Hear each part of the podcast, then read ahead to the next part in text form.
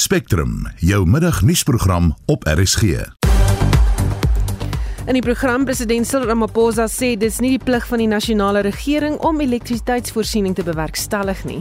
Verwagte stygings in brandstofpryse aanstaande maand en onvolhoubare fases beurtkrag noop die land se sake sektor om voor te berei vir 'n totale ineenstorting van die nasionale kragnetwerk. Welkom by Spectrum, die span is redakteur Jamari Verhoef, produksieregisseur Johan Pieterse en my naam is Susan Paxton.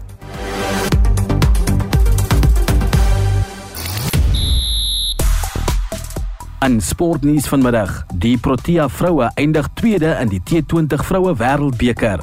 In sewees rugby het die Blitsbokke nie so goeie Amerikaanse sewees toernooi beleef nie. En Manchester United se wen-mentaliteit is terug. Die volledige sport volg bietjie later.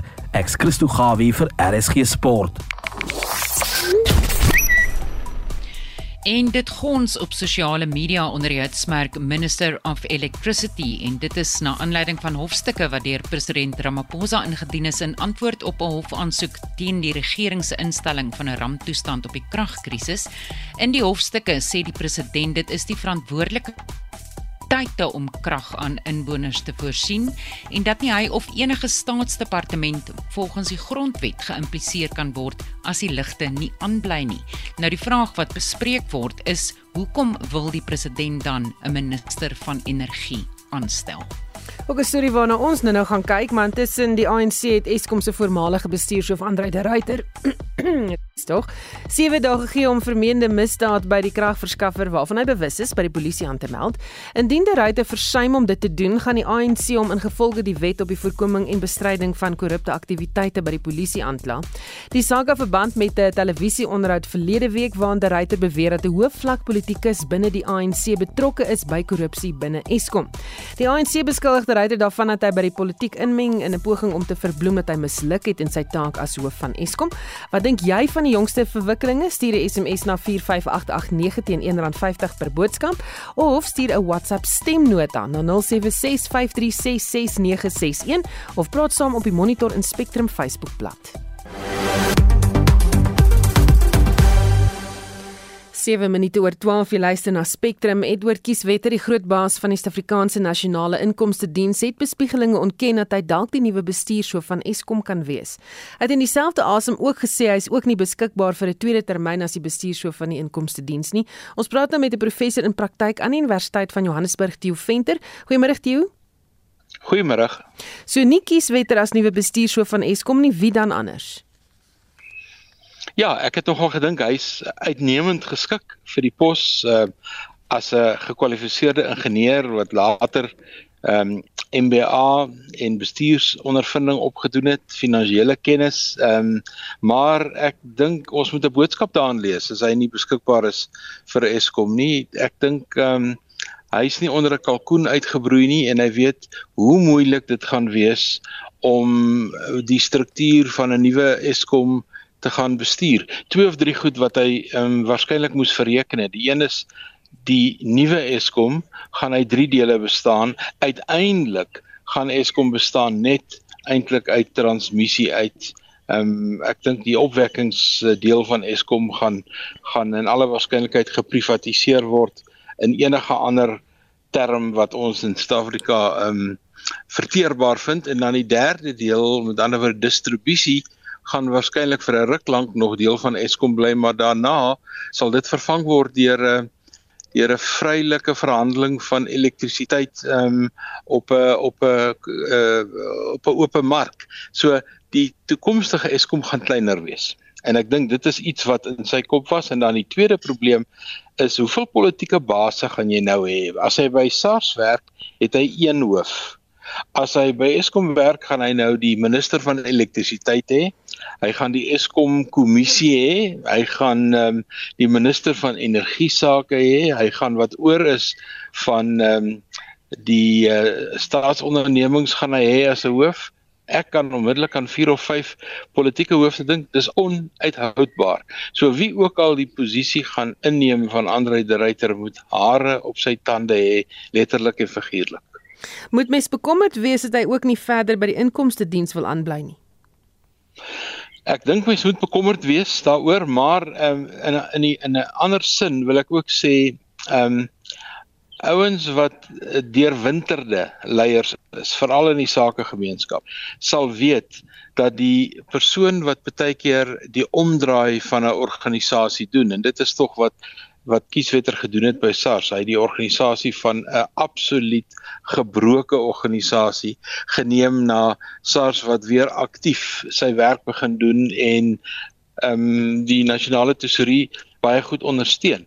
Die ou wat die omdraai doen is nie noodwendig dieselfde ou wat die voortgesette bestuur van 'n organisasie doen nie. Party ons is goed met die met die innovering en met die verandering van 'n organisasie, maar hulle is nie noodwendig goed met die volhoubaarheid van 'n organisasie nie. En ek dink miskien ken ehm um, meneer Kieswetter homself baie goed en besluit ek het 'n funksie, ek kan dit eenmalig doen. Dit word ook baie keer die Moses sindroom ge, genoem as mens nou in Bybelse terme praat dat hy sou die beloofde land gesien het. Hy sou die Israelies tot daar gevat het, maar hy het nie ingegaan gaan nie. En uh, dis baie belangrik baie keer in leierskap dat uh, nie alle leiers kan al hierdie funksies verrig nie. Hmm. Goed dan, uh, gepraat van leiers, die president het nie die kabinetskommeling gedoen nie en ook nie die nuwe minister van elektrisiteit aangekondig nie. Wat gaan aan? Ja, dit raak nou lank. Ehm um, dit is as mens na Fikile en Balula moet luister, dan moes dit al ehm um, voor die staatsrede gewees het. Maar nou ja, ons het geleer dat Fikile en Balula is maar 'n bietjie breedsprakerig. Ek dink die koerante spekuleer, hulle praat van imminent. Nou ek het al 'n paar definisies van imminent gehoor wat natuurlik nou die in die onmiddellike uh, toekoms is. Ehm um, wat ek wel weet is dat daar die president gaan beslis um, met die met die met die mense praat, met die met die volk praat een of ander tyd. Ek weet nie of dit hierdie week gaan wees en of ons skielik gaan uitvind dit is dalk Sondag aand nie, maar ek dink so 'n afspraak is nou baie naby. Maar uh, die president word gekenmerk deur een ehm um, van sy groot kenmerke en dit is hy vat sy tyd en baie mense raak baie gefrustreerd daarmee dat hy so lank neem om 'n besluit te neem maar ek dink dit is deel van sy persoonlikheid waar hy self sê hy sal liewe langer vat om die regte besluit te neem as om oorhaastig te wees en dit frustreer natuurlik party mense uit hulle geloof uit. Hmm. Baie dankie, dit was 'n professor in praktyk aan Universiteit van Johannesburg, Theo Venter. Die media waghond Media Monitoring Africa het 'n dringende aansoek by die konstitusionele hof ingedien omdat president Cyril Ramaphosa nog nie 'n nuwe SAIK-raad aangestel het nie. Jamari Verhoef doen verslag. Ramaphosa het reeds in Oktober verlede jaar die name van 12 kandidaate op die kortlys ontvang. Volgens die direkteur van Media Monitoring Africa, William Bird, het die media waghond verskeie versoeke aan Ramaphosa gerig waarin hulle vra dat hy die aanstelling van die SAIK-raad afhandel. Bird sê hulle nader nou die hof omdat Ramaphosa nie hul laaste sperdatum van 17 Februarie gehaal het nie. We were given an assurance in a letter that the president would appoint the board. I think it was uh, in early February, and then the president didn't. So we wrote again to the president and said, please uh, appoint the board, give us written reasons as to why the board has not been appointed. We received no written reasons to that. We gave the president another deadline saying, please appoint by the 17th or of February or give us written reasons. If you don't, we will have no choice but to go to court. Die president se woordvoerder, Vincent Magwenya, sê die vertraging is te wyte aan onduidelikheid wat die kortlys van kandidaate betref. One of those issues is the provision of additional names over and above the 12 shortlisted candidates. There were three other names that were provided, and the President has sought clarity as to the legal validity of those names because there is no provision on the Act with respect to provisional appointments to the board. Bird is agter nie tevrede met die verduideliking nie. Now we're hearing that it's a, a, misalignment with certain legal issues. Well, what is this misalignment and what are those legal issues? This shouldn't be something that's taking place in the dark. So is Media Monitoring Africa se direkteur William Bird. Die verslag van Kenny Mapanga, ek is Joan Marie Verhoef vir SAK nuus. President Cyril Ramaphosa sê dis nie sy plig of die plig van die nasionale regering om elektrisiteitsvoorsiening te bewerkstellig nie.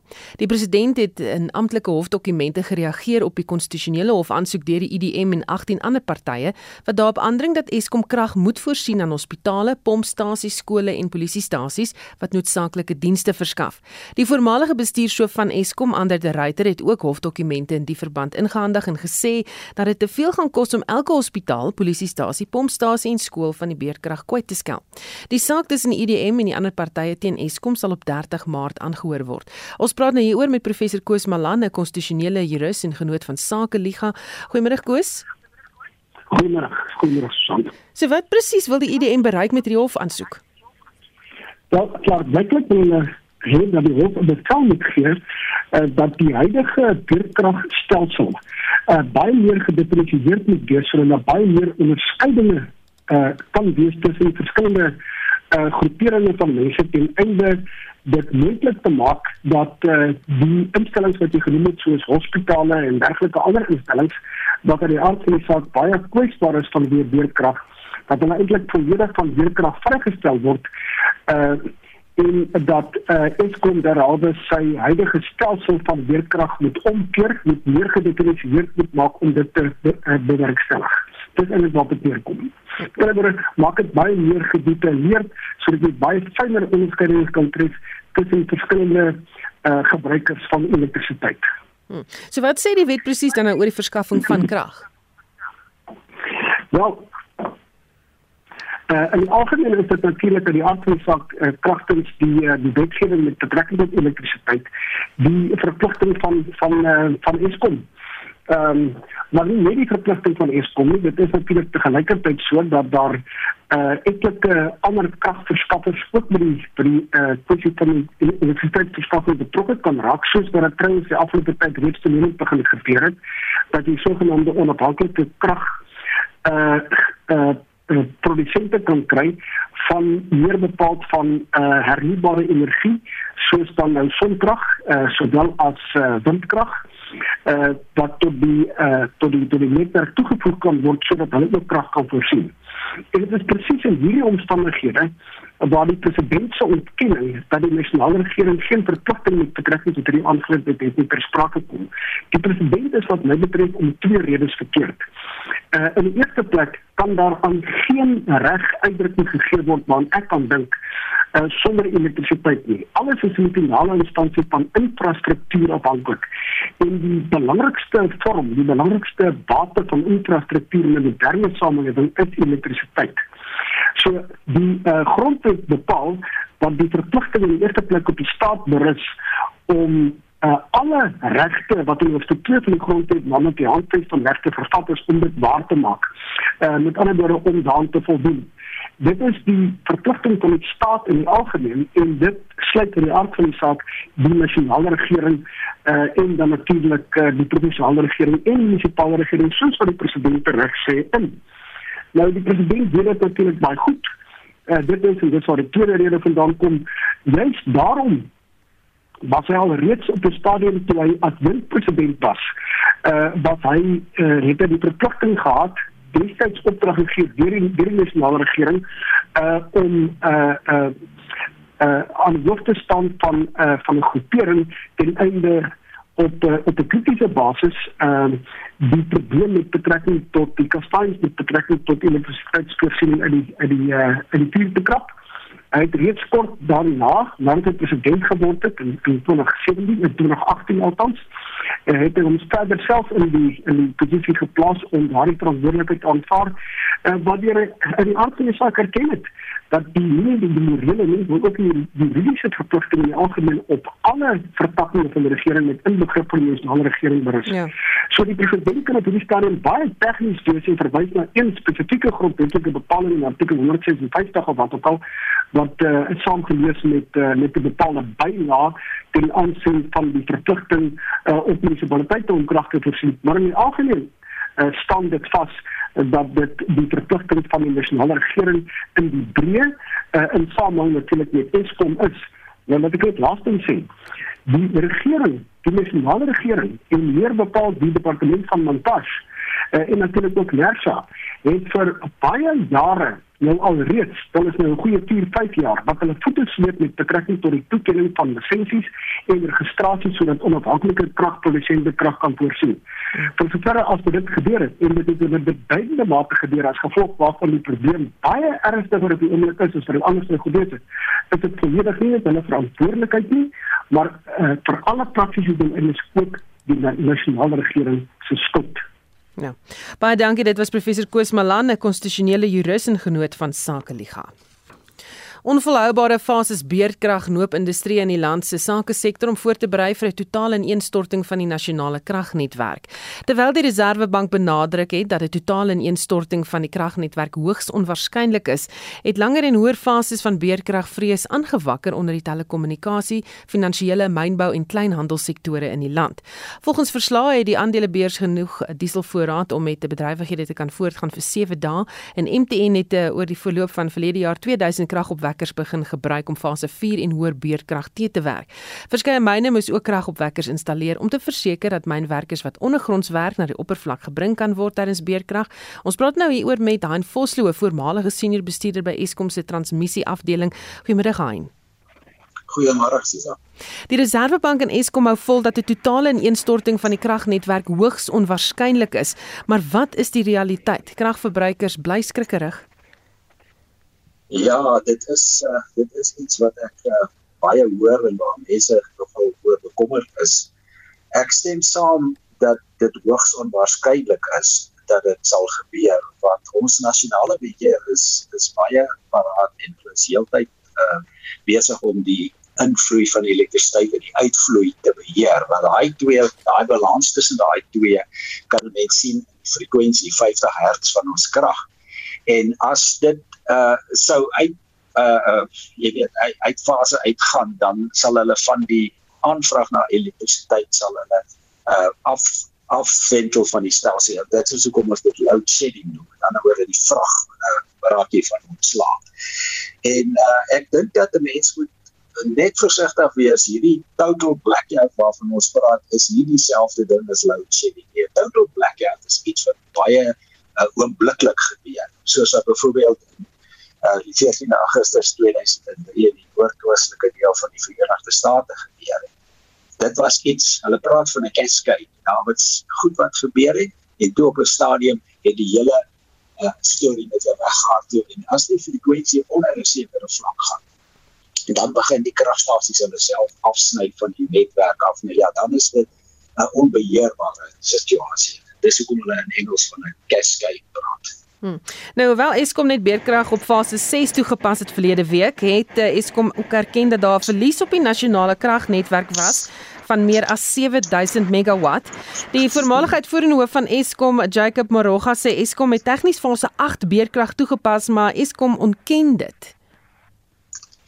Ja, jy weet wanneer mense met hierdie ja, elektriese ingenieurs so definisies uh, praat, dan is dit nie altyd maklik om alles te verstaan nie. Ek dink die hoeveelheid krag soos ek dit verstaan het was was op fase 6 gewees maar daar was 'n sekere hoeveelheid van die uh, opwekking wat op op bystand geplaas was. Met ander woorde as jy na die totale prentjie kyk dan is dit dit is 7000 maar wat wat load shedding met ander woorde mense wat jy afgeskakel het aan betref was dit fase 6 so dit dan af nou watter een van die twee definisies jy kyk Goed, daai klink nie baie goed nie. Dit was eh, 'n uh, voormalige senior bestuurder by Eskom se transmissie afdeling, Hein Vosloo, en uh, basies net net sê as om nie paniek saai nie.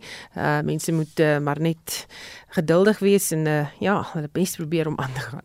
Die koalisieregering in die Tshwane Metro is steeds in die weegskaal na die bedanking van die DA burgemeester Randall Williams. Vir die jongste praat ons nou met die dekaan departement Geesteswetenskappe aan Akademia, professor Pieter Dievenage. Goeiemôre Pieter. Middag uh, Susan. So wat is die jongste hier in die metro?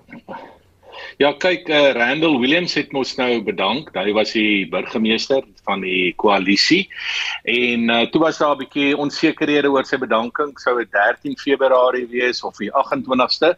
Môre is die 28ste en nou gaan daar 'n vergadering wees en ehm uh, die vergadering sou al Vrydag gewees het, maar die spreker Dr Makwerela van die uh Cope party het dit uh wou dit nie Vrydag hou nie. So daar's 'n klomp bewegings in jy weet in die uh metro. Ehm um, en ons sal nou môre moet sien wat gebeur. Jy het gesê in jou inleiding uh daar's onsekerhede oor die koalisie, maar ons kan 'n bietjie daaroor praat. Uh, gaan hierdie koalisie verder voort of sal dit soos in Johannesburg nie verder voortgaan nie? Goed, so nou daar gesels maar jy weet wat of wie is die opsies hier vir die metro wat betref die burgemeester?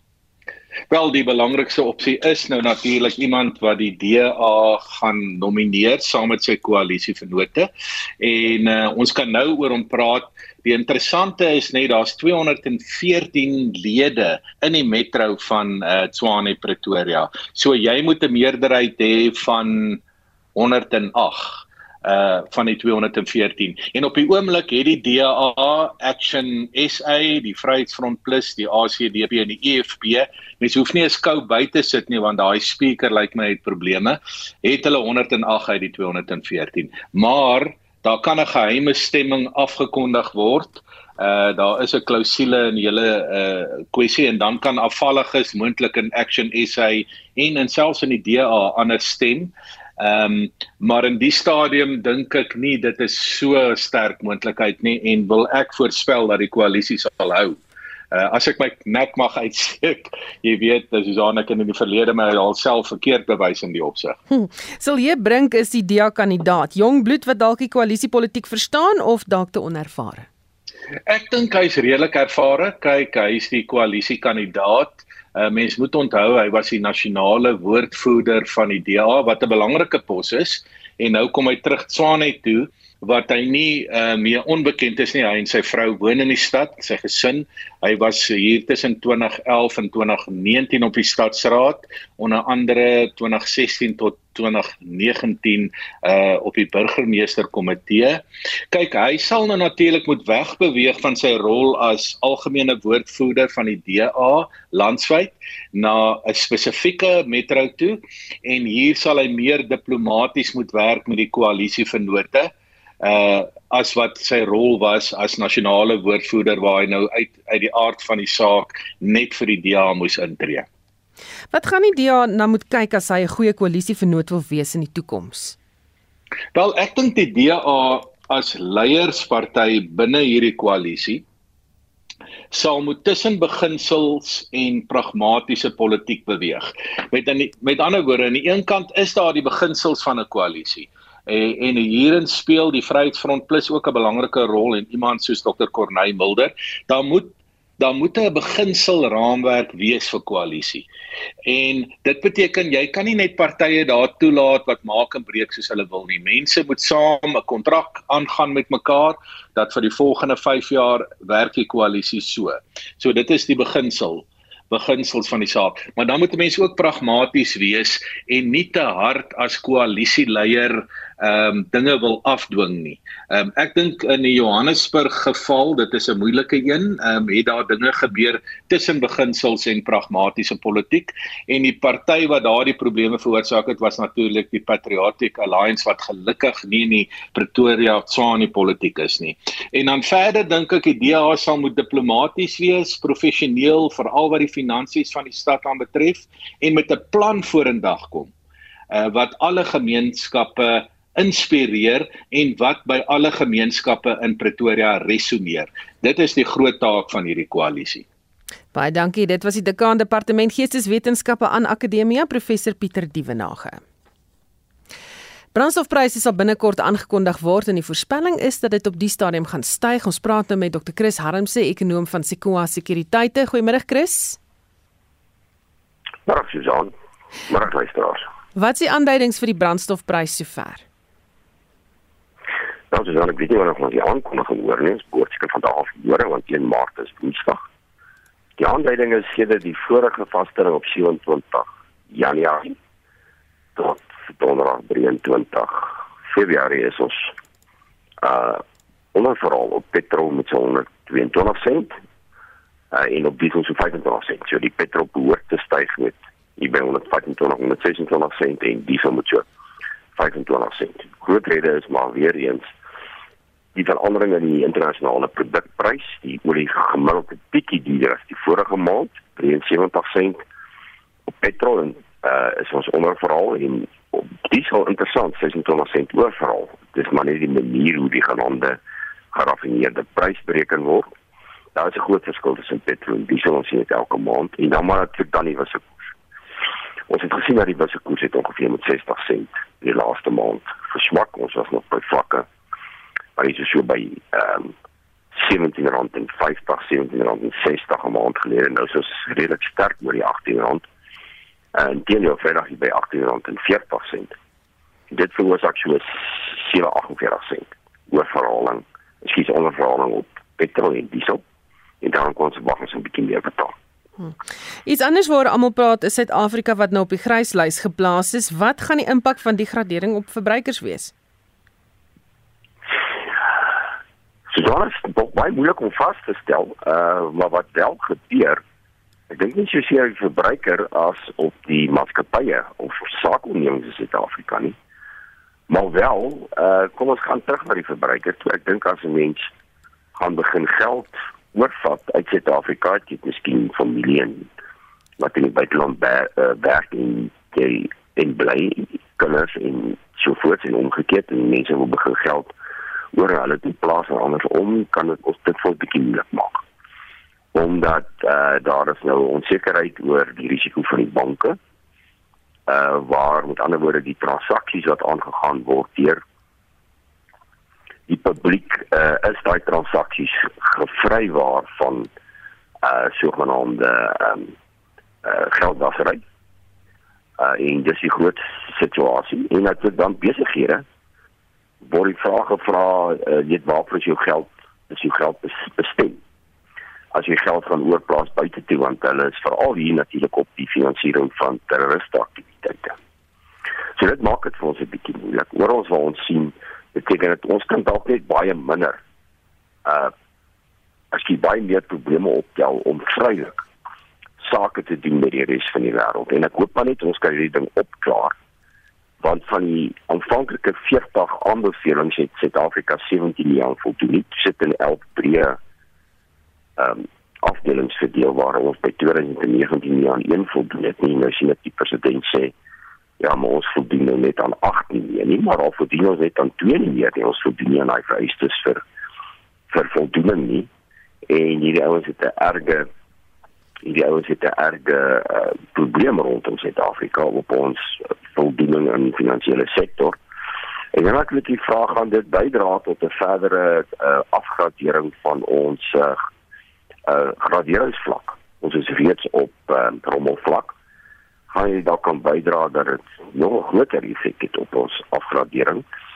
Dit maak dit steeds moeiliker om dan uh, jy weet buitelandse kapitaal te trek om beleggings te kry in Suid-Afrika uh en sou die ons ekonomie aan te help. So hierdie alles speel 'n baie belangrike rol. En die feit dat ons dit vandag net nie voldoen aan die ja. vereistes wat die internasionale finansiële ehm um, rolspelers vra oor geldwasery die rapportering daarvan en natuurlik ook uh, aan wie gaan skenkings uit Suid-Afrika. Nou die president het gesê vanoggend dit is uh, nou 'n geleentheid om korrupsie te bestry, maar hier moenie korrupsie wees in die eerste plek nie. Presies. En hoekom het dit 4 jaar gevat? En ons is in 2019 nou aangespreek. Kry julle huis in orde? Hier is julle voldoen nie aan een van die 11 breë kategorieë nie en 17 van die onderliggende uh, aanbevelings uh, voldoen hulle glad nie aan nie. So wat het ons gedoen in die laaste 4 jaar? En jy nou te sê nou kry ons die geleentheid om anti-korrupsie te werk. Uh is is is natuurlik verfgaande. Ons moes dit al gedoen het. En hoekom sê jy sê in die eerste plek was daar korrupsie? Nou gaan die president nou erken dat daar was korrupsie. Ons almal weet dit. Uh en uh dat daar was, maar ons almal wag natuurlik nou vir ehm um, vir optrede. Hmm. Teenoor wat die korrupsie daar ook al is. En ek is bevrees dit kan dalk ons finansiële banksektor wat nog al die jare 'n baie goeie rekord gehad het hier en op die in die in die, in die wêreld uh, spektrum daar buite dat ons nou 'n bietjie 'n knak gaan kry dat ons nie meer so soos jy ons sê wat bord is as ons gedink het Ja. Baie dankie. Dit was Dr. Chris Harmse, ekonom van Sequoia Sekuriteite. Jy luister na Spectrum elke weekmiddag tussen 12 en 1. In die nuus inwoners van Marumufasi in Limpopo leef in vrees weens 'n vrylopende trop leeu's en 'n intelligensieverslag uit die FSA beweer die COVID-19 pandemie is van 'n laboratorium in Wuhan, China afkomstig. Bly ingeskakel.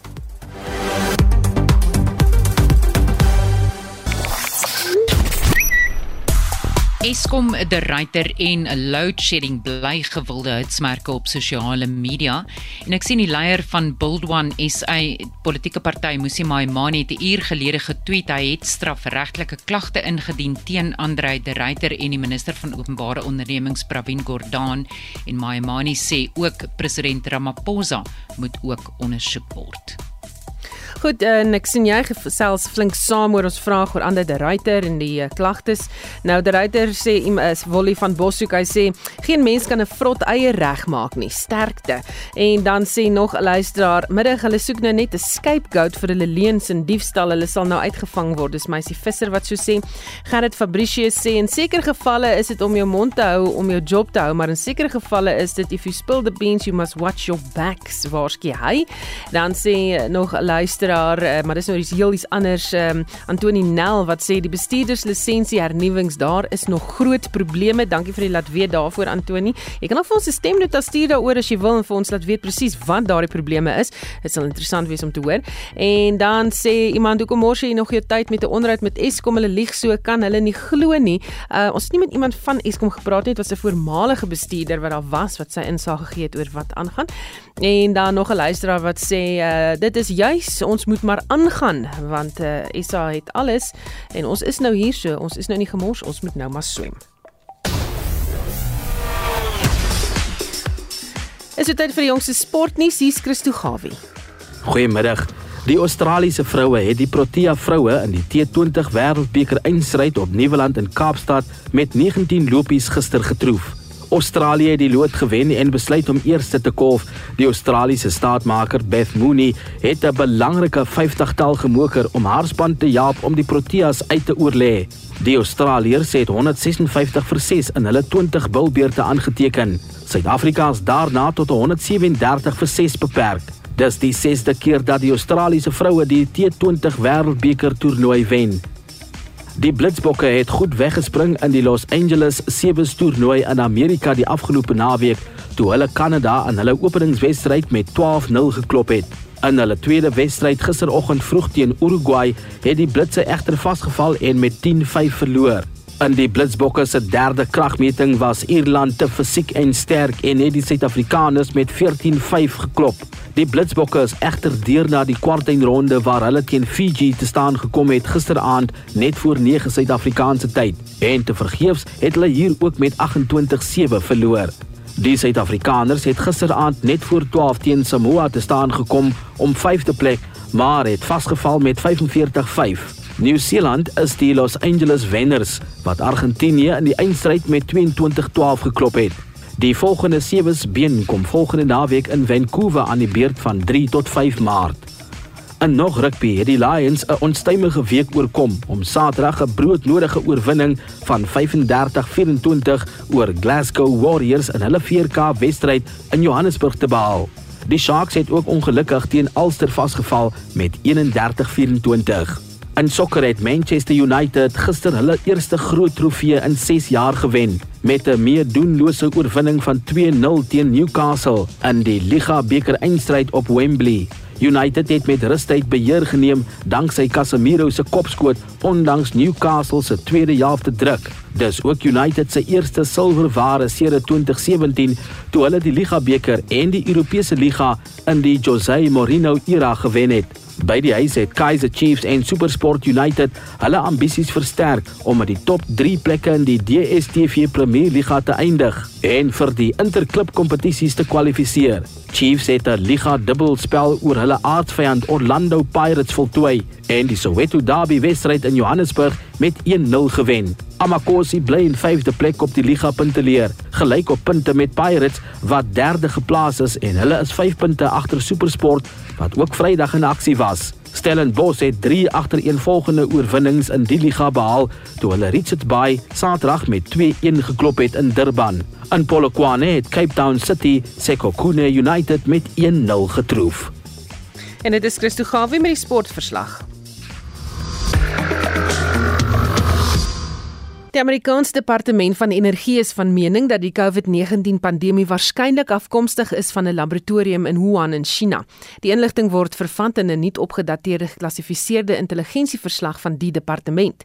Intelligensieagentskappe maak assesserings gebaseer op lae, medium of hoë inligtingvertroue en twee bronne sê die Departement van Energie het lae inligtingvertroue dat die COVID-19 virus per ongeluk uit 'n laboratorium in Wuhan ontsnap het. Lae inligtingvertroue dui daarop dat die inligting wat bekom is te gefragmenteerd is om 'n duidelike gevolgtrekking te kan maak.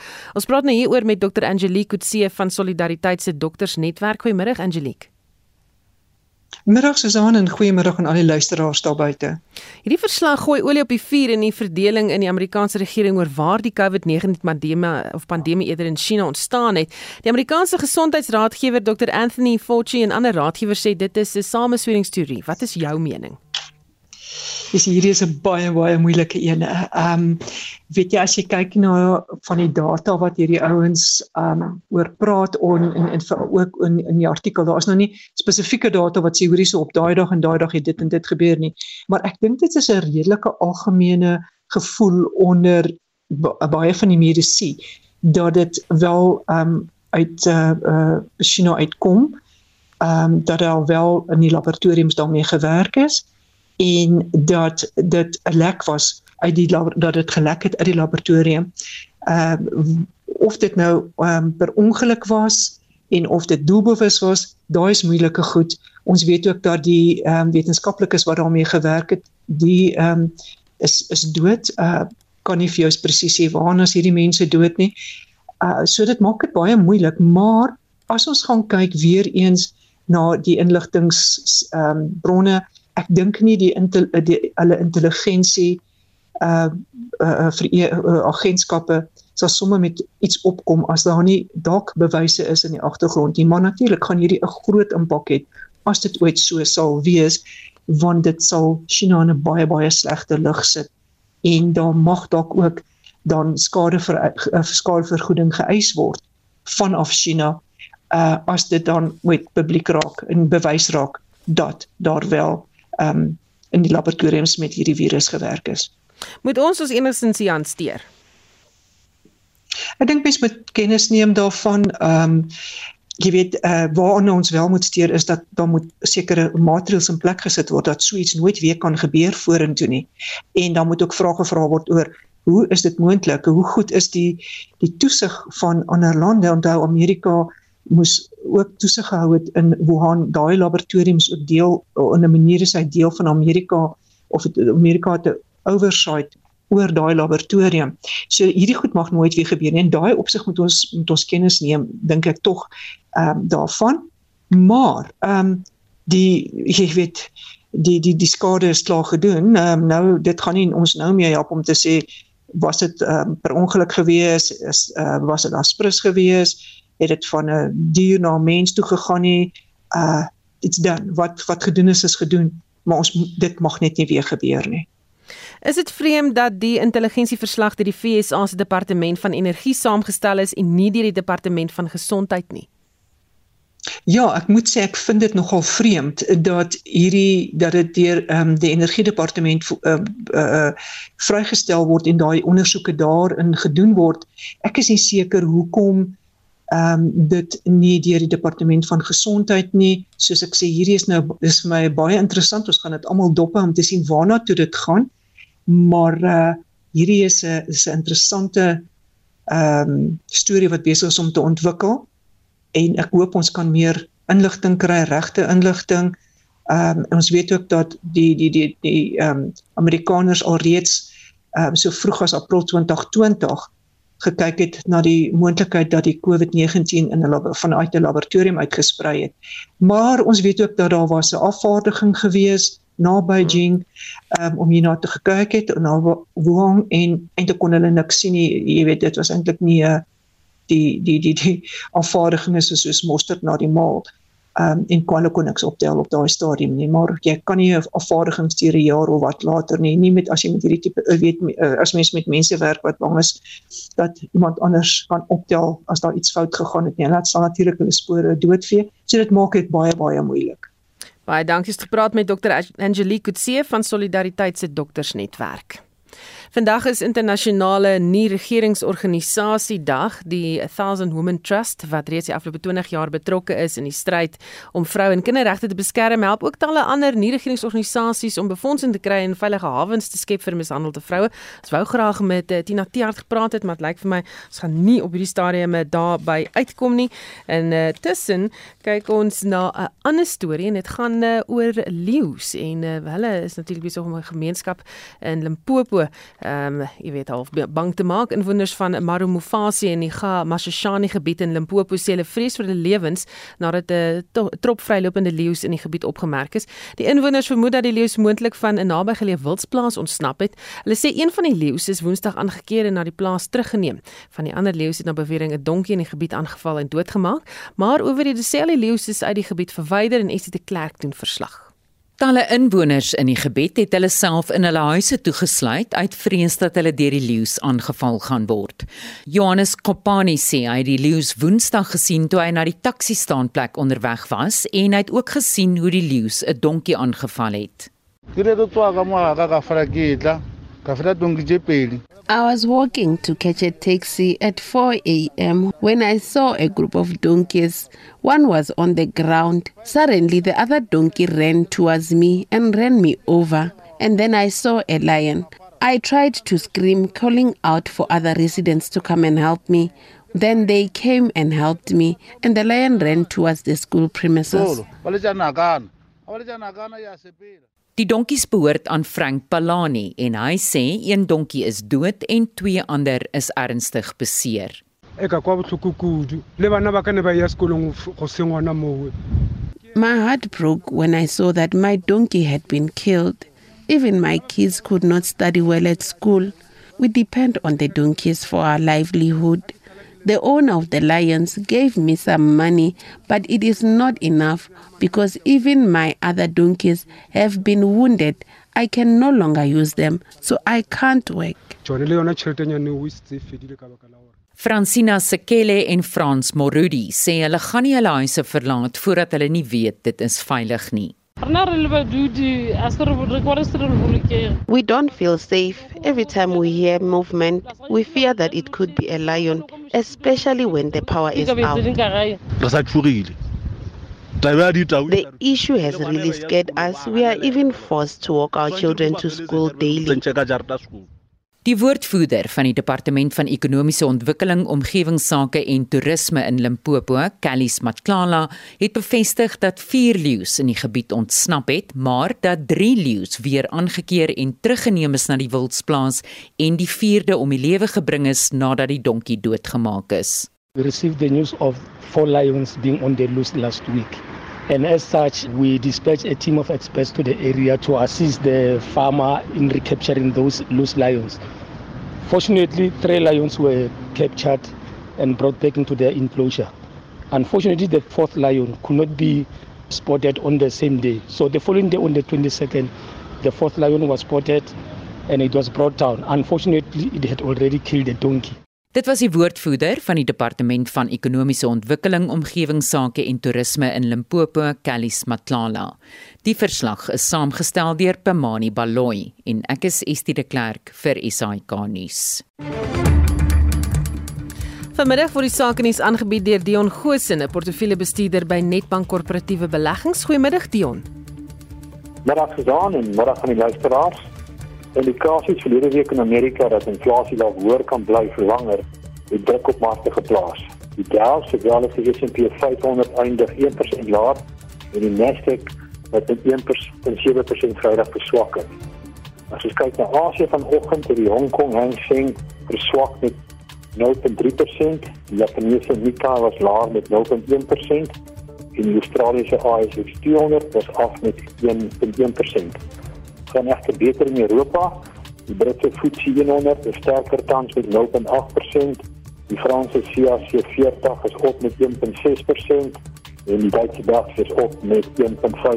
In Suid-Afrika die algemene indeks staan hoër met 0.9% en verhandel teen 77602 punte.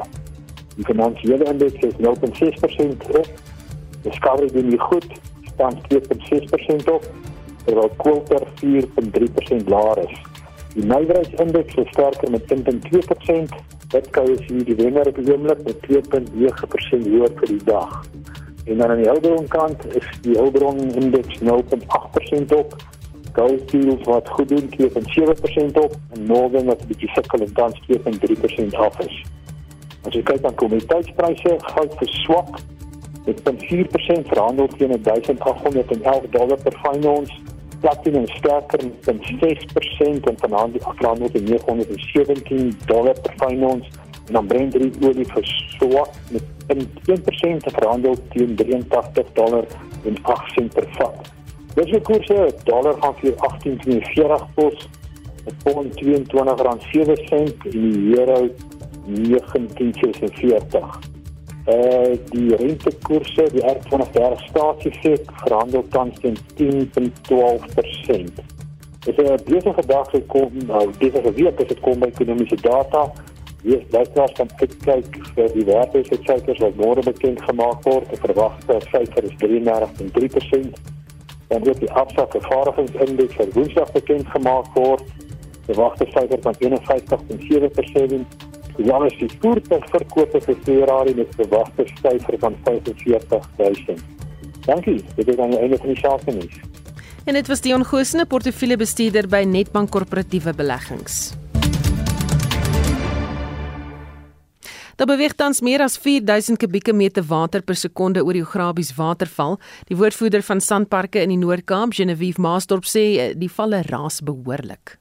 Ograbies Valle Nasionale Park doen weer eens 'n ou koei naam gestand, naamlik die plek van groot geraas met 'n meterlesing van 4174 kubieke meter per sekonde.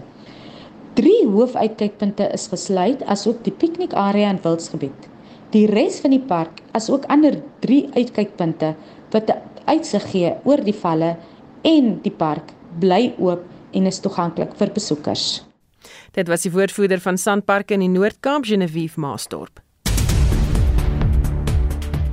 Inwoners in Eldorado Park, Westbury en Riverlea in Johannesburg leef in 'n voortdurende vrees vir bende geweld wat in die gebiede toeneem. Estie jou vir ons die en ander ontwikkelende stories dop. Ja, ons is aan die leier van 'n berugte bende in Westbury, die Faskans, Keenan Sheldon Ibrahim is verlede week in Florida Wes van Johannesburg doodgeskiet en sy moord word deur die polisie ondersoek. Inwoners sê Westbury het soos 'n oorlogsgebied geword en onderhandelinge tussen die polisie bendes en die gemeenskap het glo die naweek op 'n dooiepunt uitgeloop. Daar word berig dat Ibrahim se dood gevolg het op die moord van 'n jong seun deur 'n bende verlede week. 'n inwoner het die waarskuwing aan inwoners uitgereik. Areas such as Westbury, Eldorado Park, and Riverlea are going to be serious hotspots. A warning to security companies and all other civilians and so on stay out of this. These guys are going to be merciless towards anyone that comes in between them. There's a whole lot of assassins that are involved in this uh, plot that are being paid to do things. Please avoid these kinds of involvements. You can secure scenes, you can react to them and so on, but don't put your nose into River Lee, Westbury, and Eldorado Park. They're going to chop you. Onvolhoubare fases beurtkrag noop industrie in die land se sake sektor om voor te berei vir 'n totale ineenstorting van die nasionale kragnetwerk ten spyte daarvan dat die Reserwebank en Eskom benadruk het dat 'n ineenstorting hoogs onwaarskynlik is.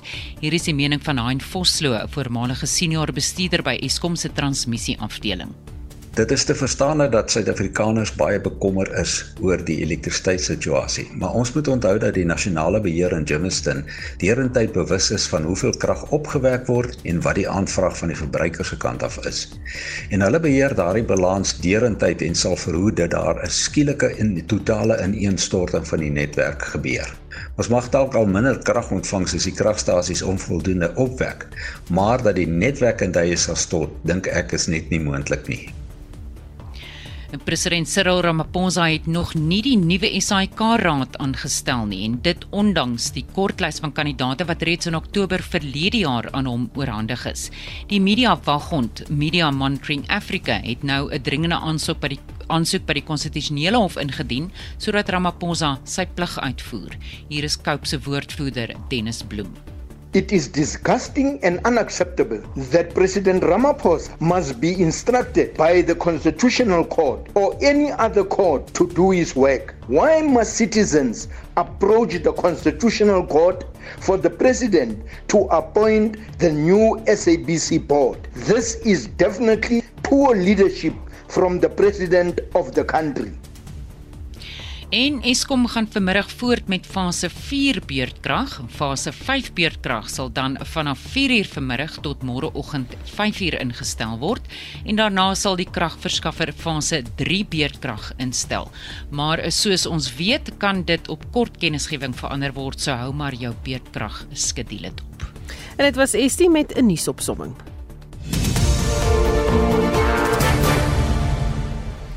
Nou ja, ons het vroeër bietjie gesels oor Andrei de Ruyter en die klagtes uh, wat die ANC dreig om te maak teen hom as hy nie gaan uh, sê wie is die mense wat skuldig is aan bedrog nie. Nou ek sien op Monitor en Spectrum se Facebook bladsy sê Ilana Lotter Joubert wel gedaan Andrei de Ruyter hoop soos ons hier praat het hy is hy in sy gesin veilig land uit. Erwin Schwella, dis professor Erwin Schwella wat sê gefeinste verontwaardiging, defleksie en 'n poging om die fokus te skuif en ek Iselje wat dan reageer op hom en sê is so prof met boonop 'n hengse vermetel vermetelheid daarbey as mense in ag neem van die reeds swak beeld in die oë van landsburgers van 'n vernietigende magsbepte party.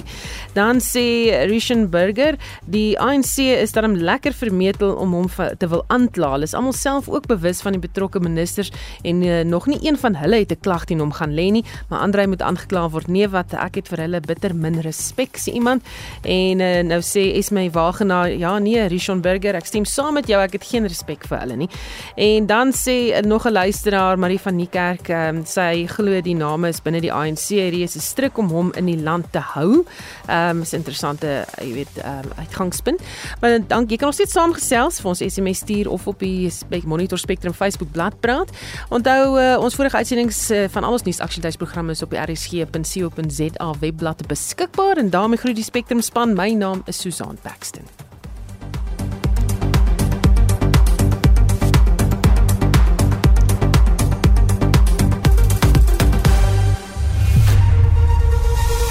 SAK nuus. Onafhanklik, onpartydig.